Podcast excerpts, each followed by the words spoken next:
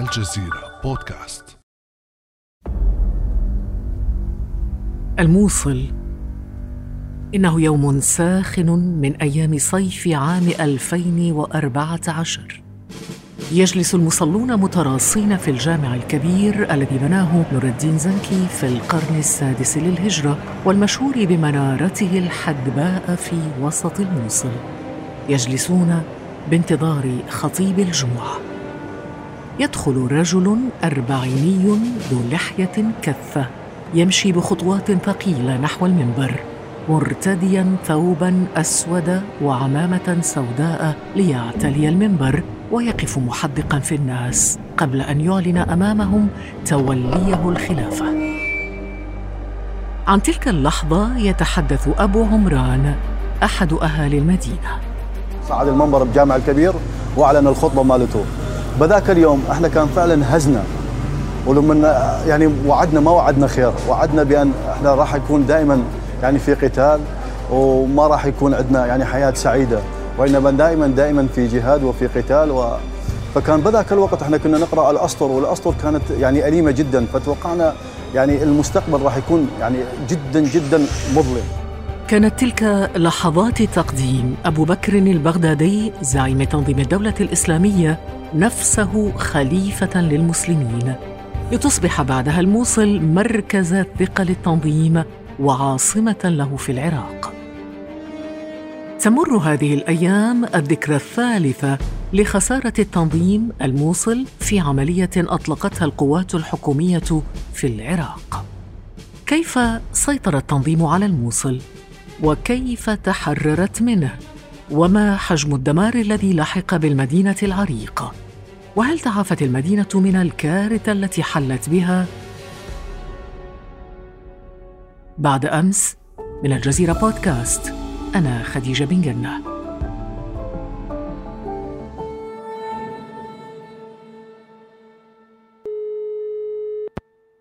نرحب بضيفنا في هذه الحلقة الدكتور لقاء مكي الباحث الأول في مركز الجزيرة للدراسات. أهلا وسهلا بك دكتور. أهلا أستاذة خديجة مرحبا بك. دكتور لقاء مكي دعنا نعود إلى ما قبل خطبة البغدادي. كيف سيطر التنظيم على مدينة الموصل؟ وجود تنظيم الدولة في الموصل يسبق يونيو 2014 بكثير بحوالي على الأقل ستة أشهر. التنظيم كان موجود في أطراف الموصل وكانت الدولة تعرف بذلك. وفيما بعد طبعا صدرت يعني تصريحات مثلا من أياد علاوي من سيد مسعود البرزاني قالوا بأن البرزاني أرسل رسالة مباشرة إلى نور المالكي رئيس الوزراء آنذاك يحذره فيها من وجود التنظيم في الموصل ويهدد الموصل إلى آخره فرد عليه المالكي عليك أن تهتم بنفسك واترك هذه الأمور لنا.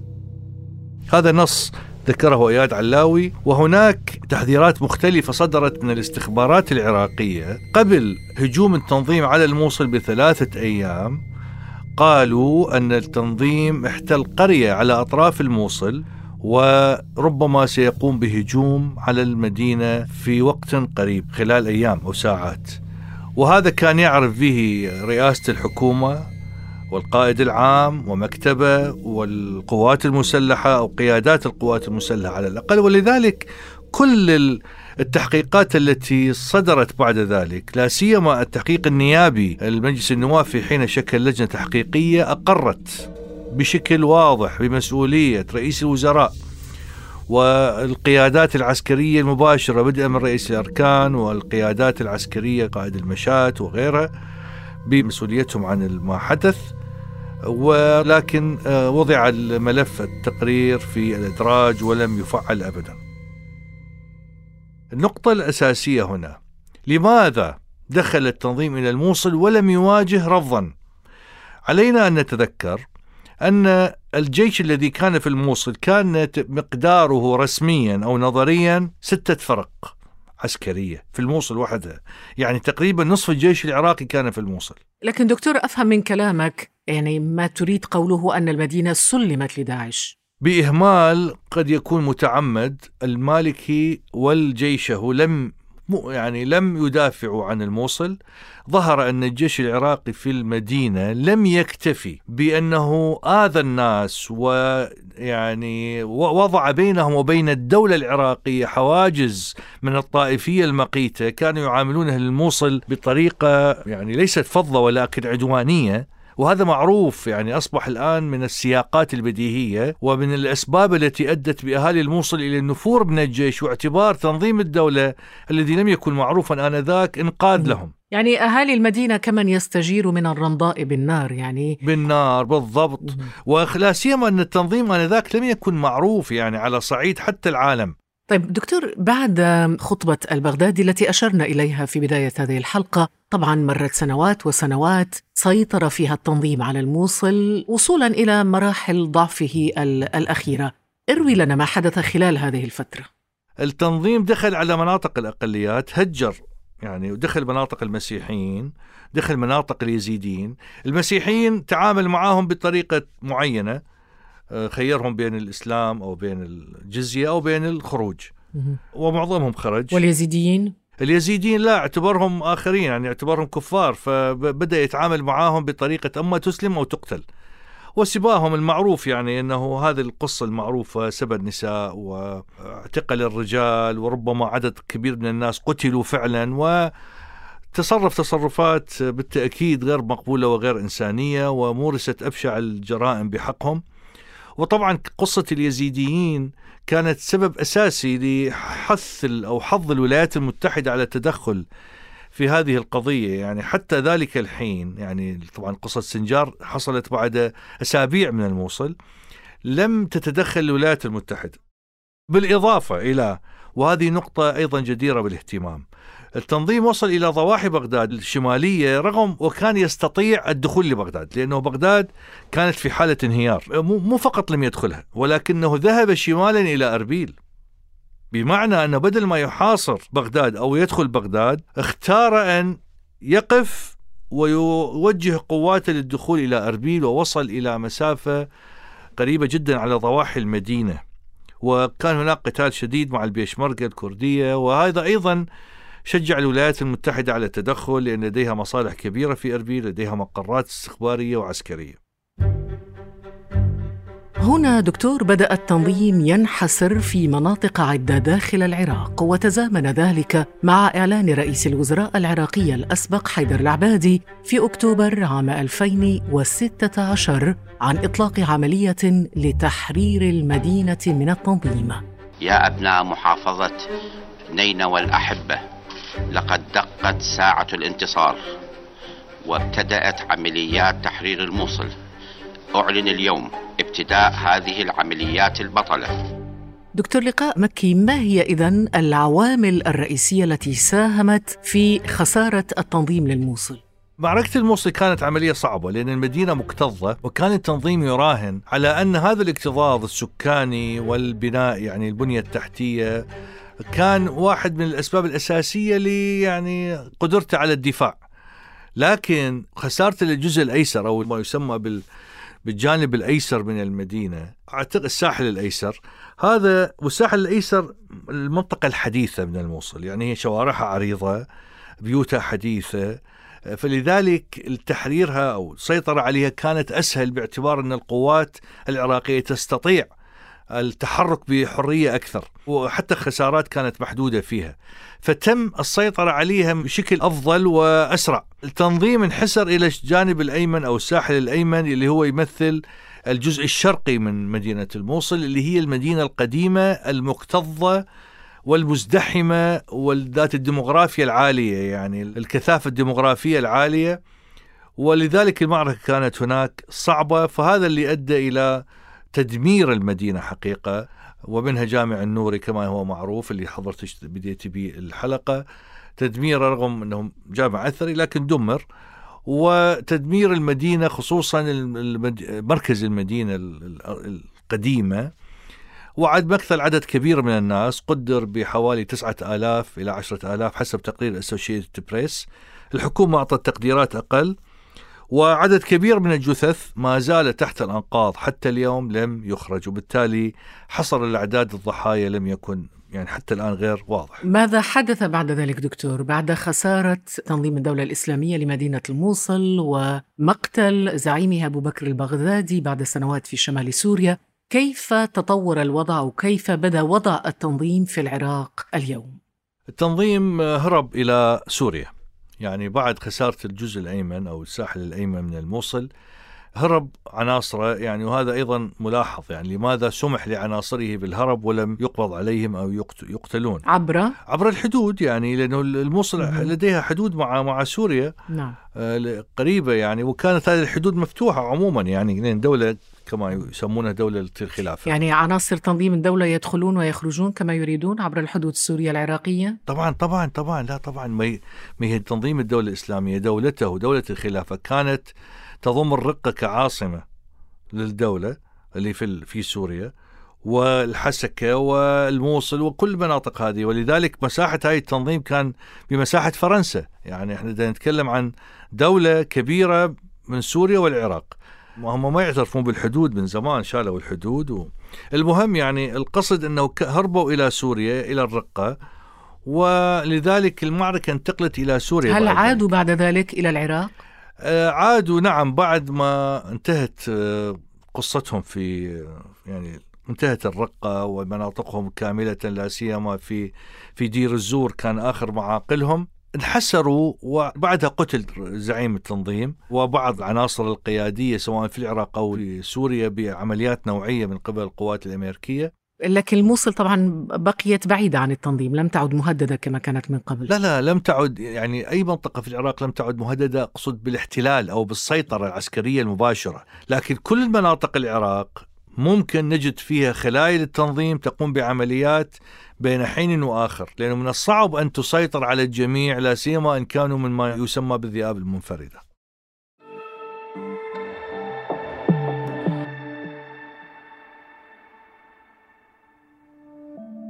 ابدأ بالاستماع الآن ولا تنسى تفعيل زر الاشتراك الموجود في تطبيقك لتصلك حلقاتنا اليومية فور صدورها.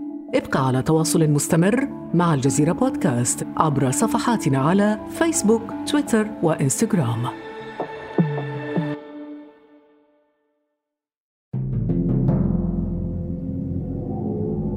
الدكتور أشرت قبل قليل إلى أن ضريبة تحرير مدينة الموصل كانت عالية جدا. طبعا طوال تسعة أشهر من القتال خرجت أيضا أسراب النازحين عبر الطرق المحيطة بها بأعداد هائلة. في مشهد شبهه كثيرون بمشاهد النكبة الفلسطينية.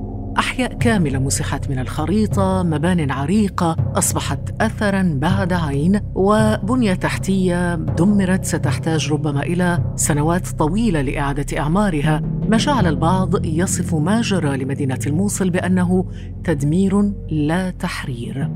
عن ذلك يتحدث الأكاديمية العراقية الدكتور عبد الحميد العاني. أرفض كلمة تحرير لأنه حينما تخرج تنظيم الدولة وتأتي بتنظيمات ميليشيات إرهابية مجرمة وتتبجح بجرائمها. هذا لا يسمى تحريرا. هذا يسمى تطهير عرقي لأرض الموصل دكتور لقاء مكي إذا ما الذي حل بالموصل أثناء عملية التحرير؟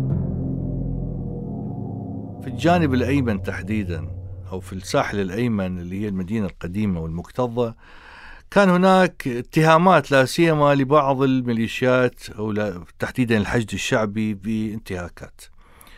كان هناك قوات مكافحة الإرهاب واللي قاتلت لا سيما في الساحل الأيسر وكان العمليات شبه نظيفة يعني نسبيا ولكن في الساحل الأيمن كان هناك عدد كبير جدا من الخسائر وعمليات الحرق الأرض يعني سياسة الأرض المحروقة التي بسبب عدم القدرة على يعني تنظيف المدينة بسرعة ومواجهة تنظيم الدولة وعناصرها كان هناك عمليات قصف عشوائي تجري للمدينة على وفق سياسة الأرض المحروقة وهذا طبعا تسبب بخسارات هائلة على المستوى المدنيين بعد خروج التنظيم وعودتها إلى الدولة الحقيقة مدينة الموصل شهدت استقرار لعناصر الحشد الشعبي. والمشكلة أنه لم يكتفوا بوجود حشد عشائري من أهل المدينة يعني يسمى بالحشد العشائري السني اللي هو جزء من الحشد الشعبي أو بالقوات العسكرية ولكن جاءوا بعناصر حشد الشعبي من مناطق أخرى في العراق وأسكنوهم هناك و طب هذا غير من التركيبة الديموغرافية للسكان في الموصل؟ هو بالحقيقة هؤلاء مقاتلين يعني هذول يأتون ويرحلون إلى مدنهم يعني لم يستوطنوا في المدينة لكن لكن كان هناك عمليات مريبة. مثلا أولا بدأ الصراع بين الوقفين الشيعي والسني. مدينة الموصل ذات أغلبية سنية تاريخيا يعني وهذه مسألة يعني لا لا جدال فيها. مع ذلك آه، الوقف الشيعي آه، يطالب بعدد كبير جدا من المساجد والمراقد ليضمها إليه. وكان بعضها يشتريه وبعضها يطالب به رسميا وبعضها على الأقل منع التصرف به ونجح في ذلك وبالمقابل لم يكن هناك يعني دفاع كبير عن هذه المناطق أو المراقد أو المزارات الدينية. وطبعا الموصل تضم آلاف المراقد والمسارات الدينية والمساجد. الشيء الآخر أن المدينة القديمة على النهر خصوصا هذه المناطق التي دمرت على النهر على نهر دجلة كان هناك محاولات لشرائها بأموال ضخمة تعطى لمالكيها ومالكيها لا يستطيعون إعادة إعمارها. نحن نتكلم عن عن بيوت مهدمة بدون تعويضات. نعم. غير البيوت المهدمة دكتور هناك طبعا بقايا هناك تركة من بيوت مهدمة من آه، مقاتلين عناصر بقوا موجودين عائلات أطفال نساء أرامل. كيف تعاملت برأيك القوات الحكومية العراقية مع عناصر وعائلات وأطفال هذا التنظيم؟ أولا آه، أهالي الموصل عموما 40% منهم ما زالوا نازحين. هاي مسألة يجب أن نقولها مقدما. ما زالوا نازحين في المخيمات ومخيماتهم في مناطق في دهوك شمال الموصل في كردستان يعني أو قرب أربيل على بين الموصل وأربيل. الأمر الثاني أن عوائل التنظيم هربت معهم إلى سوريا على الأغلب. وفي سوريا لا سيما بعد الرقة وبعد انتهاء في دير الزور انتهاء يعني وجودهم في دير الزور آه، تم اعتقال العوائل في مخيم الهول آه، في الحسكة. والآن يسيطر عليها أو يسيطر على هذا المخيم تنظيم أو ما يسمى بسوريا الديمقراطية من الأكراد. وهؤلاء يحتجزون حوالي 75 ألف شخص من النساء والأطفال. بعض هؤلاء ذهب إلى بغداد إلى العراق وهو المحتجز الآن في العراق العراقيين منهم أقصد يعني محتجزين أيضا في معسكرات ولم يسمح لهم بالعودة إلى مناطقهم لأن هم عراقيين بعضهم مثلا من تكريت. لم يعودوا إلى تكريت رغم أنهم غير مسؤولين عما حصل لكن هم يكفي أنهم من عوائل عناصر التنظيم. محتجزين في معسكرات خاصة وطبعا هناك ظروف سيئة جدا يعانونها و أعتقد هم راح يمثلون قنبلة موقوتة مستمرة بالنسبة لسوريا وبالنسبة للعراق أو بالنسبة حتى للدول التي جاءوا منها لأن بعضهم أجانب مثلا نتكلم عن أوروبيين عن أمريكان اللي رفضت دولهم استلامهم. نعم من دول غربية نعم. أه، هناك أيضا ما يتعلق بإعادة إعمار مدينة الموصل. أين وصلت؟ أه، هناك بطء شديد وفساد كبير في عمليات إعادة الإعمار حتى الأموال التي تصرف يعني تبتلع أو تستنزف من خلال الفساد ويكفي أن الفساد أودى بحياة عشرات الأشخاص مثلا قبل أكثر من عام في حادث غرق عبارة في الموصل في المدينة خلال أيام العيد.